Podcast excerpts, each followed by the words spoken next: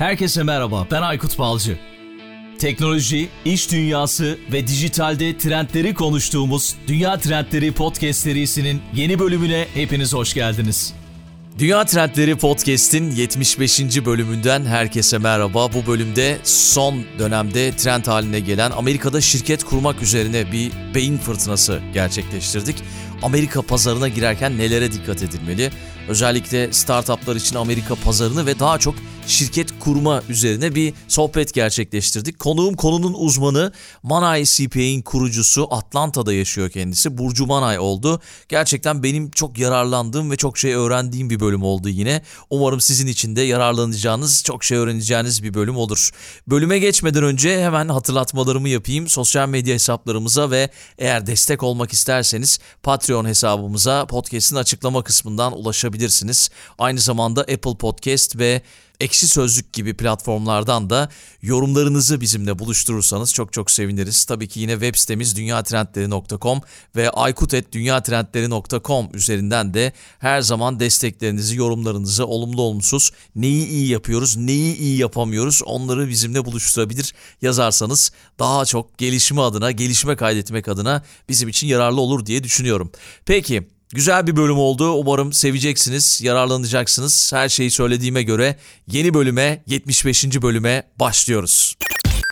Bu bölümde iş yapmayı, şirket kurmayı, girişimcilerin ilgisini çekmeyi başaran özel bir ülke olan ve dünyanın da aynı zamanda en büyük pazar alanlarından birine sahip olan Amerika Birleşik Devletleri'nde böyle regülasyonları konuşacağız belki de Amerika pazarını konuşacağız. Çok daha fazlasıyla orada şirket kurmak üzerine bilgiler alacağız. Kimden bilgiler alacağız? Burcu Manay'dan bilgiler alacağız. Manay CPA'de çalışıyor kendisi ve uzun yıllardır da tecrübesi var. Yaklaşık 15 yılı aşkın bir süredir Amerikan ve uluslararası pek çok kuruma vergi, muhasebe ve yeminli mali müşavirlik alanlarında hizmetler veriyor. Burcu şu anda Amerika Birleşik Devletleri'nde karşımda. Ona kocaman bir merhaba demek istiyorum. Burcu hoş geldin. Selamlar. Merhabalar, merhabalar. Hoş bulduk. Selamlar herkese. Selamlar.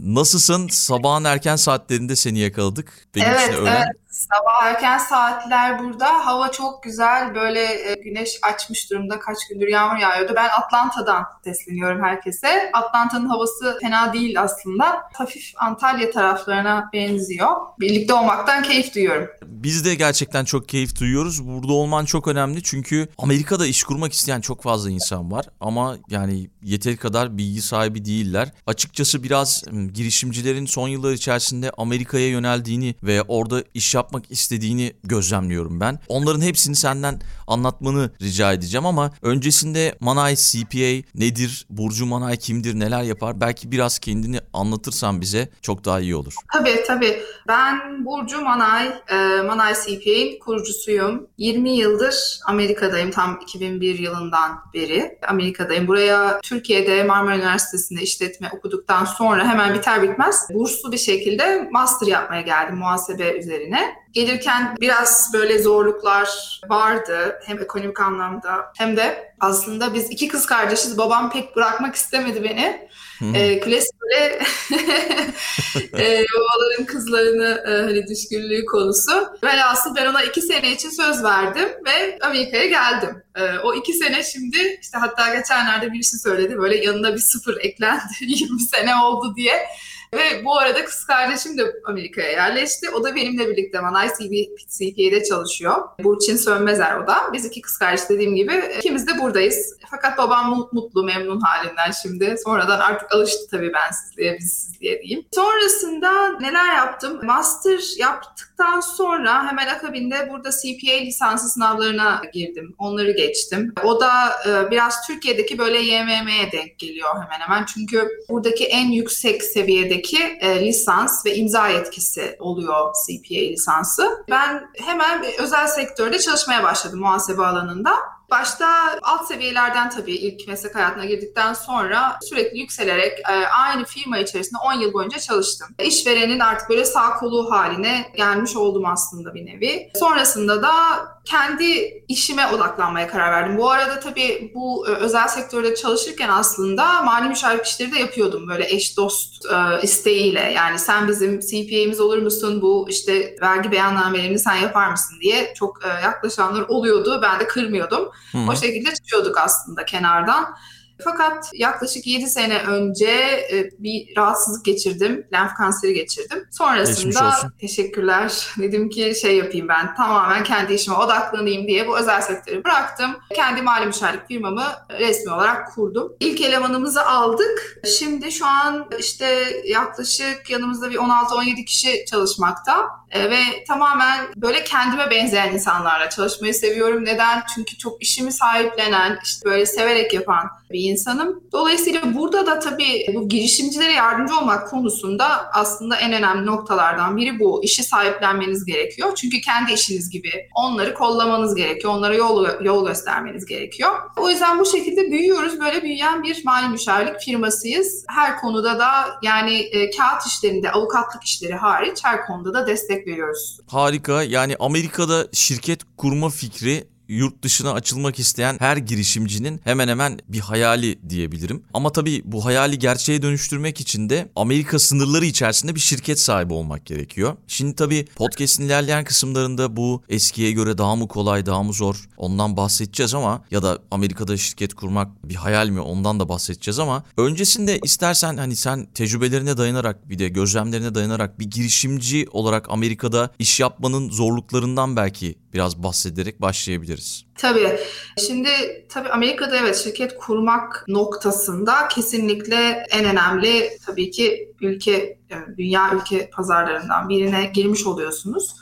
Ve bununla birlikte de e, bütün fırsatlar açılıyor size. Çünkü gerçekten e, karşısında bir Amerikan şirketi muhatabı bulan büyük firmalar da size sipariş verebiliyor örneğin. Ya da belli işte e, marketplace'lerde yani Amazon, Etsy gibi platformlarda tabii ki satış yapabilmek için de yine bir firma kurmanız gerekebiliyor büyük çoğunlukla. Burada iş yapmanın zorlukları e, evet aslında önce zorluklardan konuşup sonra da kolaylıklarına veya fırsatlara geçebiliriz. Zorluklarda en büyük zorluk herhalde kültür farkı aslında. Bir Türk e, girişimcinin burada iş yaparken tamamen hani alışkın olmadığı bir ortamda, alışkın olmadığı bir dilde her ne kadar İngilizcesi iyi olan insanlar bile olsalar işte kendi alanlarındaki meslek terimlerinde yani zorlanabiliyorlar. Dediğim gibi kültür farkı aslında biraz herhalde ki en baştaki e, zorluklardan biri oluyor. Çünkü sonuçta bambaşka bir sistem. Öğrenmek bazen zaman alabiliyor. Tabii burada da yine yanınızda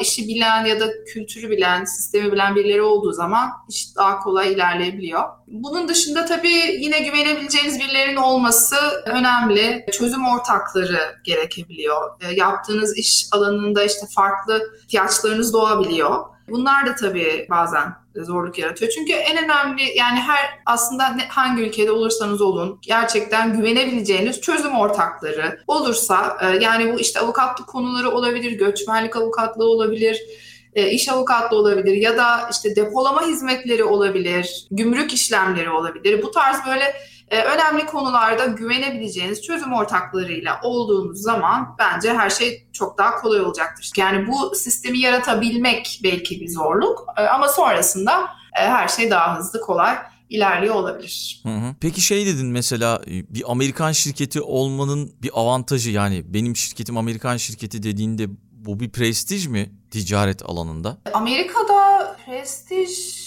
olabilir ama aslında biraz da gerçekten prosedürel olarak bazı büyük firmalar karşısında bir Amerikan firması olmadığı sürece siparişi geçmekte zorlanabiliyor veya hatta siparişi vermeyebiliyor. Yani hmm. bize gerçekten sırf bir siparişi bekleyen bir siparişi almak için bile şirket kurduğumuz oluyor bizim. Anladım. Ee, Sadece bir evet. sipariş için bile şirket kuruyorsunuz. O ilginçmiş. Yani evet. bir sipariş derken o ilk sipariş değil. Anladım ilk sipariş diyelim doğru.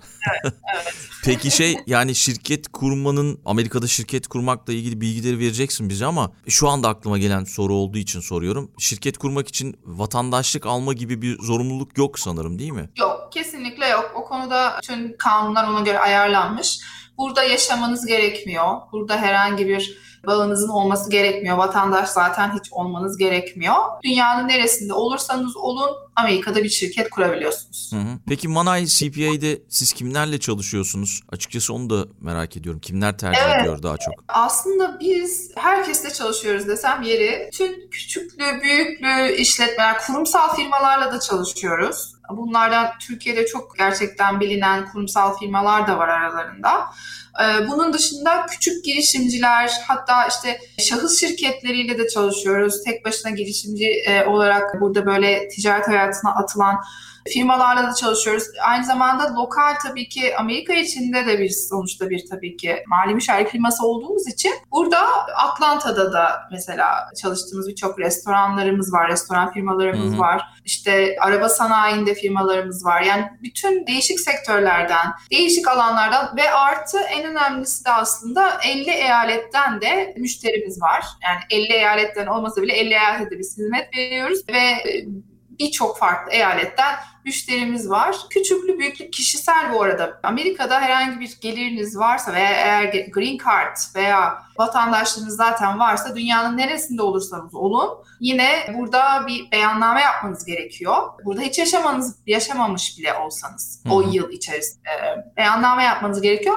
Dolayısıyla bu böyle müşterilerimiz de var tabii bizim. Tamamen individual tax return dediğimiz yani kişisel vergi beyannamesi yaptığımız müşterilerimiz de var. Peki mesela şu aklıma geliyor. Ben Avrupa'da olduğum için şu an. Avrupa'da ya da dünyanın farklı kıtalarında birçok ülke var ve orada iş yapan insanlar da var tabii ki ama yani or- o ülkeler varken Amerika'da iş kurmak neden bu kadar popüler? Belki biraz Amerika pazarının avantajlarını anlatabilirsin bize.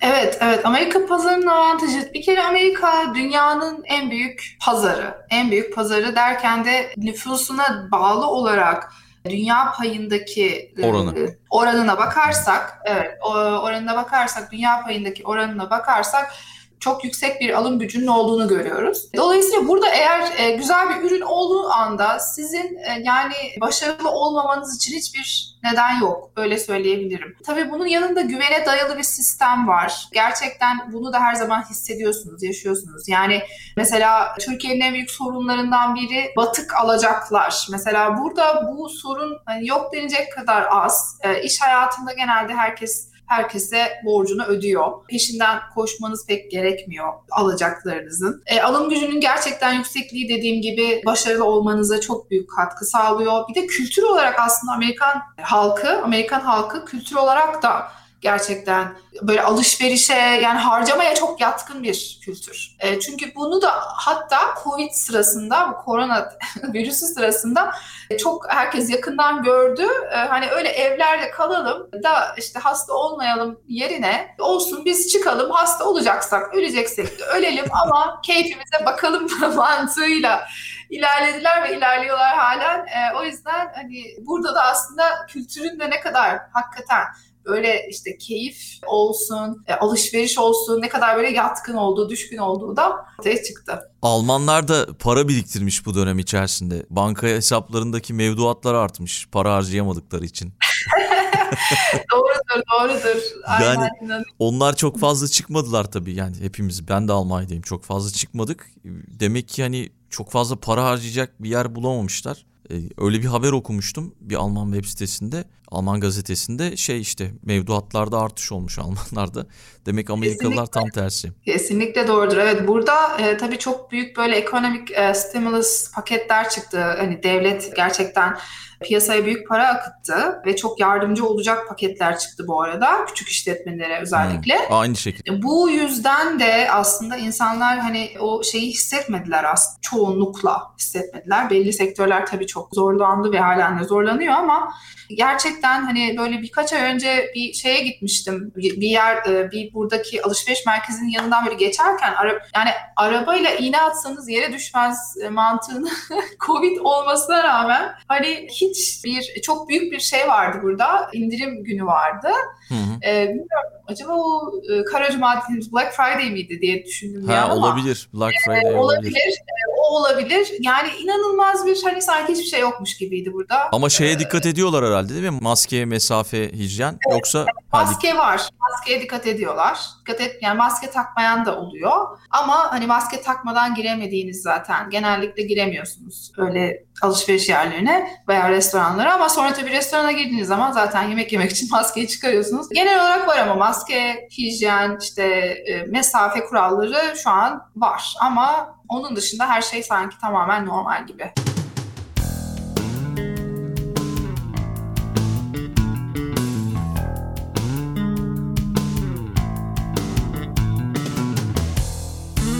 Peki birazcık vergi sistemini anlatman mümkün mü bize? Yani Türkiye'deki vergi sistemini Türkiye'de okuduğun için az çok biliyorsundur diye tahmin ediyorum. Hani ikisi arasındaki farklar. Amerika'daki Hı-hı. vergi sistemi daha doğrusu nasıl? Çok zorluyor mu girişimcileri? Çok, evet evet. Ya aslında biraz zorluyor. Orada da gerçekten şöyle ama zorluyor dediğim yani onların zorlandığı bir yani anlamak isterlerse zorlanıyorlar.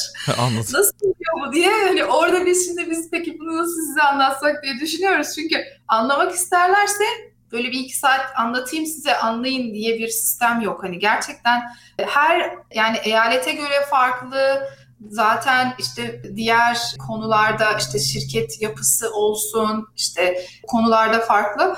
Yani şöyle söyleyeyim Türkiye Türkiye'de tabii ki e, ben çok fazla çalışma imkanı bulamadım Türkiye'de ama ya bildiğimiz en önemli konulardan biri nedir? Türkiye'de bir kere tek bir sistem var. Nerede yaşarsanız yaşayın e, o sisteme tabisiniz. Burada her eyalet bir devlet gibi. Dolayısıyla devlet artı sadece eyalet içinde sadece eyalet olarak değil eyalet içinde yaşadığınız işte şehre göre bile ödeyeceğiniz business e, şey e, business iş lisansınızın e, ücreti veya yapacağınız başvurunun şekli bile değişiyor.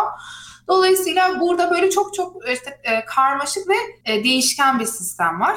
İşte satış vergileri farklı konularda değer yani satış vergisi konusunu mesela anlamaya çalışırsanız orada da ayrı bir dünya var işte zaten gelir vergisinin belli işte e, hesaplaması mesela işte biz diyoruz ki hani burada maaş verirken mutlaka bürüt anlaşın çünkü her kişinin ödeyeceği gelir vergisi oranı da farklı. E, hmm. E, kişinin var mı yok mu işte da, e, eşinin geliri var mı yok mu buna göre değişiyor mesela. Bunu anlamak da çok böyle kolay olmuyor Türk mantığıyla gelince çünkü Türkiye'de Alınan maaş bellidir, kesilen vergi bellidir. Burada öyle bir sistem yok. Ee, kesilen vergi herkese göre değişiyor. O yüzden her zaman brüt rakamlar konuşmayı biz mesela öneriyoruz.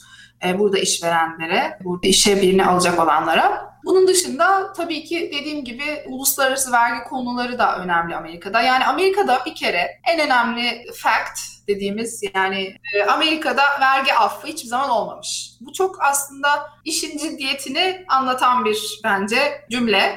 Nasıl hiç hiç olmamış mı vergi affı? Olmamış evet öyle vergi affı hadi siz verginizi ödemediniz ben sizi affediyorum diye bir şey olmadı olmamış. E, dolayısıyla burada işin ciddiyeti ortaya çıkıyor. Fakat karmaşıklığı var mı? Var. Değişkenlik çok. Bazen bazı beyannameleri yapmak için günlerce uğraşıyorsunuz. Özellikle uluslararası vergi beyannameleri, uluslararası böyle konuların geçtiği formları bazen böyle hani günlerce uğraşıyorsunuz. Hatta bir CPA arkadaşımla konuştum da bir tane vergi beyannamesi için bir ay uğraştığını söylemişti.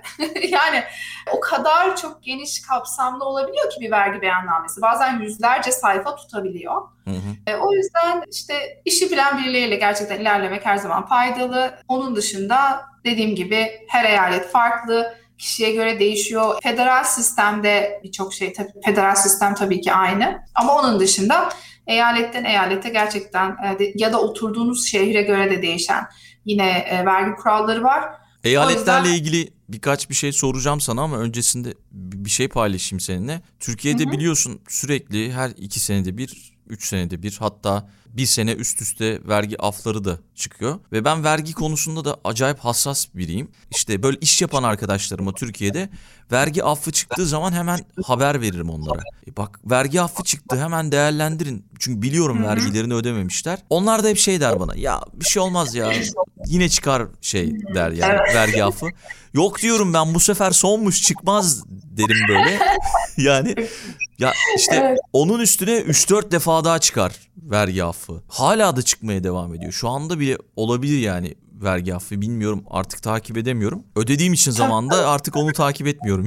yani Tabii tabii tabii doğru doğru doğru. böyle bunu paylaşmak istedim ama işte demek ki o sağlam bir temel olması o yani insanların daha doğrusu vergi affını tekrar çıkacağını biliyor olmaları vergilerini belki de düzenli bir şekilde ödememelerine neden oluyor. Evet, olabilir evet, Türkiye bence, tarafında. Bence de bence de E, kesinlikle katılıyorum. diğer şu eyaletler arasındaki farka gelince Almanya tarafında da öyle gerçekten. Buradan 15 kilometre ileriye gittiğinde farklı bir belediye. Oradaki kurallar farklı. Şu anda benim yaşadığım yerdeki kurallar farklı.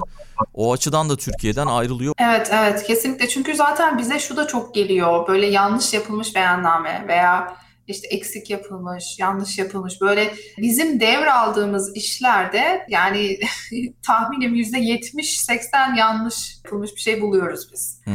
Yani bunu da yani samimiyetimle söylüyorum gerçekten hani yani çok çünkü bilgi birikimi gerektiren bir alandayız. Biz de hala öğreniyoruz hatta bunu da söyleyeyim. Bazen hiç karşımıza daha önce çıkmamış bir konu bile gelebiliyor araştırıyoruz hemen. İşte bilen network'ümüzde biri varsa ondan öğreniyoruz. E, ama hani Amerika vergi sistemi hani böyle yıllarca öğrenece öğrenebileceğiniz, öğrenmeye devam edeceğiniz bir sistem. Hiçbir zaman bitiremeyeceğiniz bir sistem. O yüzden gerçekten bilen birileriyle, tecrübeli birileriyle çalışmak çok önemli bence de. Peki Amerika'da startup ekosisteminde finansal çözümler alanında neler yapıyorsunuz? Belki biraz da ondan bahsedebilirsin. Çünkü bizi girişimciler, startuplar da dinliyor. Startup alanında bu benim özellikle çok keyif aldığım bir alan. Çünkü böyle hemen hemen her gün yeni bir start, startup firmayla biz tanışıyoruz. Ya onların böyle muhasebe hizmetleri, işte finansal tablo bu, bu tarz hizmetleri için tanışıyor oluyoruz. Ya da bazen yatırım turunda oluyorlar. E, yatırımcı aradıkları için tanışıyoruz. Onları burada bizim belli bir network'ümüz var. Onlarla hatta bir araya getiriyoruz. Bazı e, filtreledikten sonra belli yatırım e, yapılabilecek startup firmaları ve çok eğlenceli geliyor bana bu konu. E, yani çok değişik fikirler geliyor. E, çok yaratıcı, işte gerçekten böyle zeki gençler, işte genç girişimcilerle tanışıyor oluyorum. Çok gerçekten keyif veriyor bana bu konu. Teknoparklarda zaten inanılmaz bir şu anda şey var. Hem artış var anlattığım kadarıyla. Ben hani iki senedir Türkiye'ye gelemedim Tür- bu arada. Tür- Türkiye Ee, tarafında değil mi? Türkiye tarafında inanılmaz Evet, yani. evet, Türkiye tarafında. Türkiye Hı hı. tarafında teknoparklarda inanılmaz böyle hareketlenmeler var. Çok güzel fikirler, startup firmalar var. İşte bu firmalarla biz de tanıştıkça dediğim gibi çok keyif alıyoruz. Nasıl yardımcı olabiliyoruz? Biz zaten uluslararası vergi konuları startup firmalarda çok geçiyor, çok oluyor. Hı hı. Ee, bunun nedeni de Amerika'da kurulan bir firma oluyor ya da Amerika'ya bazen firma kurmak için bizimle bağlantıya geçiyorlar. Fakat sonrasında Türkiye'de işte yazılımcı tabii ayağı işte asıl işte product'ın üretildiği ya da IP dediğimiz bu intellectual property'nin olduğu taraf Türkiye oluyor.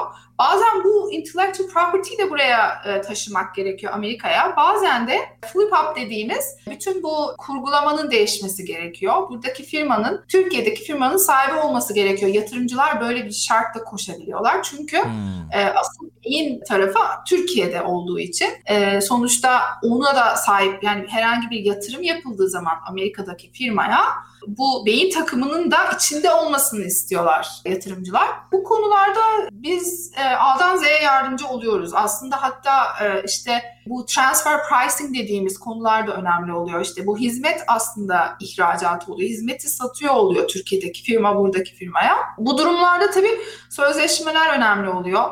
İki firma arasındaki Hizmet ihracatı olabiliyor mu öyle bir şey? ya evet hizmet ihracatı diyorum ben ona aslında. E, hani o Ya o hani- ihracat olarak geçiyor o zaman yani sonuçta değil yani mi? bilmiyorum, Türkiye'deki e, hani e, terim olarak belli bir ifade, bu ifadenin belli bir şeyi var mı? Hani belki ben yanlış kullanıyor olabilirim. Yo hayır yanlışlıktan değil. Aynı şeyi ben de düşünmüştüm. O yüzden sordum sana. Yani evet, evet. e, Yani çünkü bence hizmet ihracatı var. Geçiyor yani. Ve de o e, gerçekten şey hani bu işte yazılımların oluşturulması, coding konuları e, işte e, Türk özellikle zaten Türkiye'de çok akıllı gençlerimiz var. Bunların da bu, bu alanları böyle görüp de galiba böyle daha çok eğilmeleri ile birlikte tabii bence bizde şey de oluştu. Belli bir böyle nasıl diyeyim yani em, ekosistem mi? Evet bir ekosistem oluştu ve buradaki startuplar yani Türk olmasa bile aslında Amerikalı startupların bile mesela bu tarz gençlere ihtiyaçları var. Türkiye'de böyle onlara destek verecek, coding yapacak. Çünkü hem maliyetler daha düşük hem de çok çalışkan, çok akıllı e, gerçekten gençlerimiz var. Bunun dışında tabii yani Türkiye'den e, Amerika'ya açılmak isteyen e, startup firmaları biz ister yani gerek burada şirket kurmak olsun, sonrasında da e, işte bu uluslararası faturalaşma işlemlerinin takibi doğru yapılması e, olsun. E, bütün bu konularda onlara hem yol gösteriyoruz hem hizmet veriyoruz hem de bazen işte CPA Certified e, şeylerle finansal tablolarla e, yatırım turuna çıkıyorlar. Çünkü yatırımcılar bazen bu belgeleri istiyorlar. CPA hmm. e, tarafından hazırlanmış finansal tabloları görmek istiyorlar.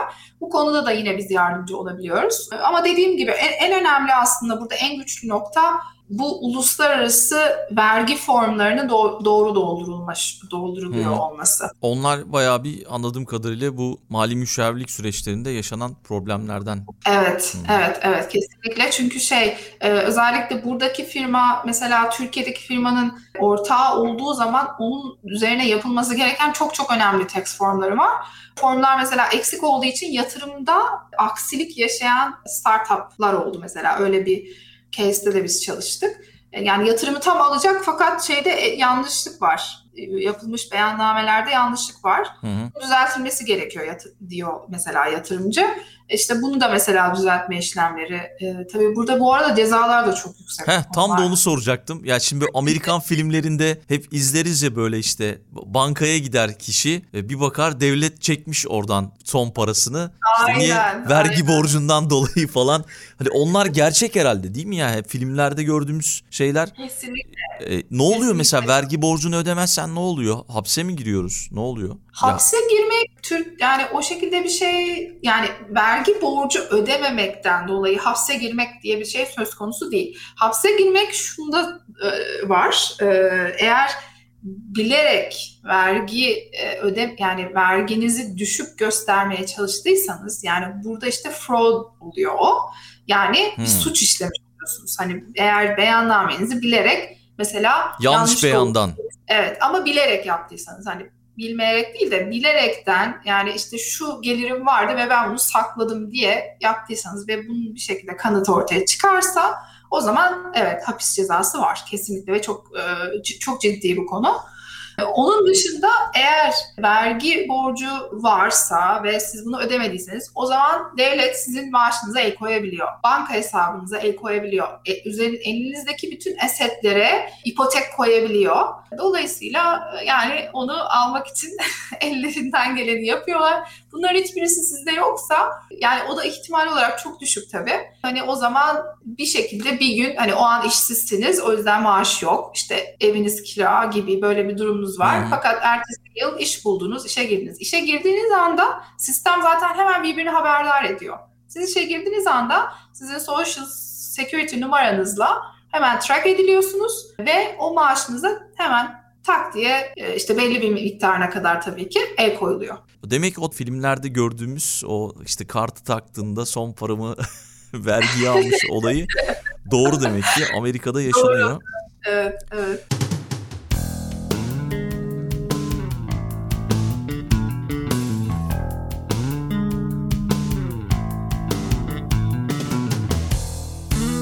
Amerika'da şirket kurma konusunda gerçekten bu çok merak edilen bir şey. Çünkü yaptığım araştırmalara göre işte az önce sen de söyledin podcast'in başından itibaren işte eyalet e, farklılıkları var belki eyalet seçimi önemli işte ortaklık yapısı önemli işte Türkiye'de ortak olursa dedin Amerika'da olursa orada farklı işleyişler var. Belki şirket tipinin seçimi de önemli. O yüzden burada da deneyimli birinin yardımcı olması önemli diye düşünüyorum. Evet, Mesela evet, bu, bun, bunlarda nasıl yönlendiriyorsunuz size danışanları? Bunlarda öncelikle kesinlikle bir e, anlamak istiyoruz. Yani hem nihai amaç nedir? Yani şirketi daha sonra satmak mı istiyorsunuz? E, birine devretmek mi? Ya kendi çocuğunuza böyle bırakmak mı istiyorsunuz? Bu tarz bu bir kere bir önemli bir nokta oluyor. Sonra şirketin tabii ki yaptığı iş nedir ve hangi sektörde ve onunla ilgili acaba bölgesel bir önem var mı? Hani eyalet olarak işte nakliye önemli mi? İşte logistics önemli mi? Ya da belli işte sizin ürününüzü alacak olan firmalar mesela bu çevrede mi ya da ne, ne tarafta toplanmış gibi mesela bu konulara bakıyoruz. Ve tabii ki ortaklık yapısı da çok önemli oluyor. Burada da eğer yabancı ortak varsa veya zaten tamamı yabancıysa buna göre özel seçilebilecek e, şirket tipleri oluyor.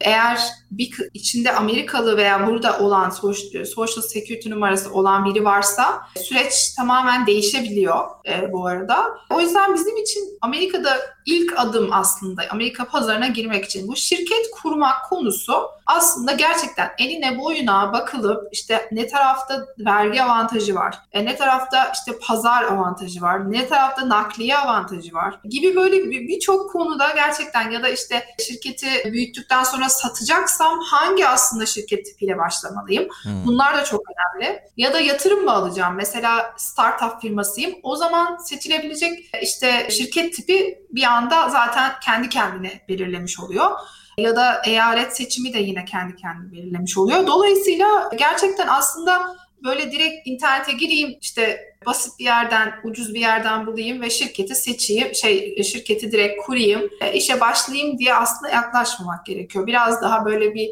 hatta biz bazen böyle sayfalarca sunum hazırlıyoruz. Sadece şirket seçimi, ortaklık yapısı ve eyalet seçimi için.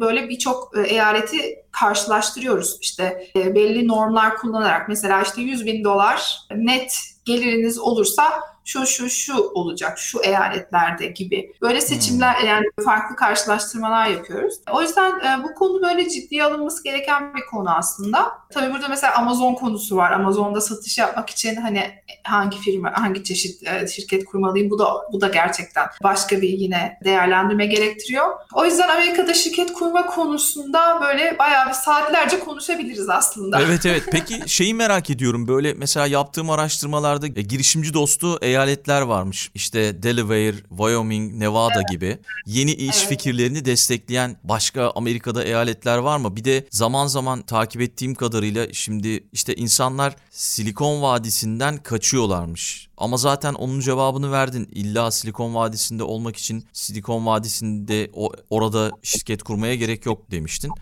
Evet, evet. Ee, işte kiralardan dolayı, işte farklı nedenlerden dolayı oradan gidiyorlarmış. Bu üç eyalet gözüme çarptı. Yani bu üç eyaletin ne gibi avantajları var? Delaware ve Wyoming sales tax olmayan eyaletler sales tax de dediğimiz KDV oluyor. Fakat aslında bunlar çok önemli olmuyor. Aslında KDV olayı biraz şöyle işleyen bir konu. Siz sattığınız ürün üzerinden bir KDV alıyorsunuz yani sales tax alıyorsunuz. O sales tax'i müşteri ödüyor. Müşteri size ödüyor. Siz de bunu dönüp e, o eyalete ödüyorsunuz. O hangi eyaletse. Aslında sizin orada sadece sizin olan yük işte tabii ki ürün fiyatınızı aslında arttırıyor oluyor. Dolayısıyla belki marketteki işte rekabet konusu önemli olabiliyor.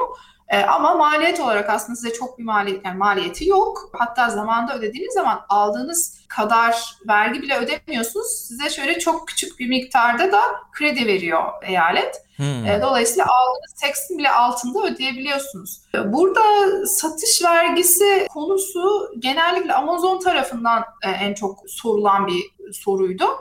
Amazon şu anda bunu kendisi zaten ele alarak ben bu işi kendim halledeceğim deyip zaten burada böyle birkaç eyalet dışında böyle bir 6-7 eyalet dışında diğer eyaletlerde bütün satış vergisi konusunu kendisi Amazon hallediyor şu anda. Dolayısıyla orada aslında Delaware ve Wyoming'in çok fazla bir esprisi kalmadı diyebiliriz.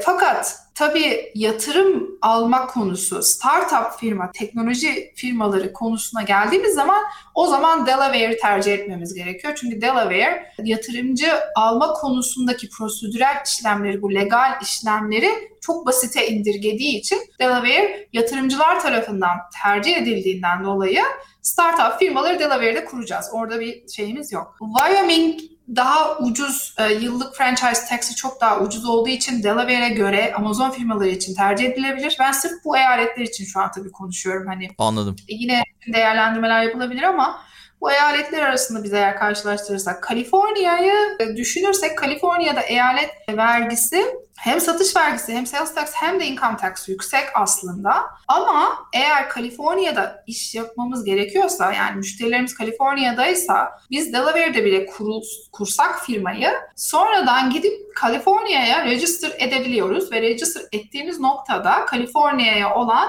sorumluluğumuz doğuyor. Orada da yine böyle bir farklı bir konu var. Yani bir firmanın kurulduğu eyalet demek tamamen artık evet ben bu eyalete sorumluyum, başka da bir eyalet beni ilgilendirmiyor demek değil. Bu da çok önemli bir nokta.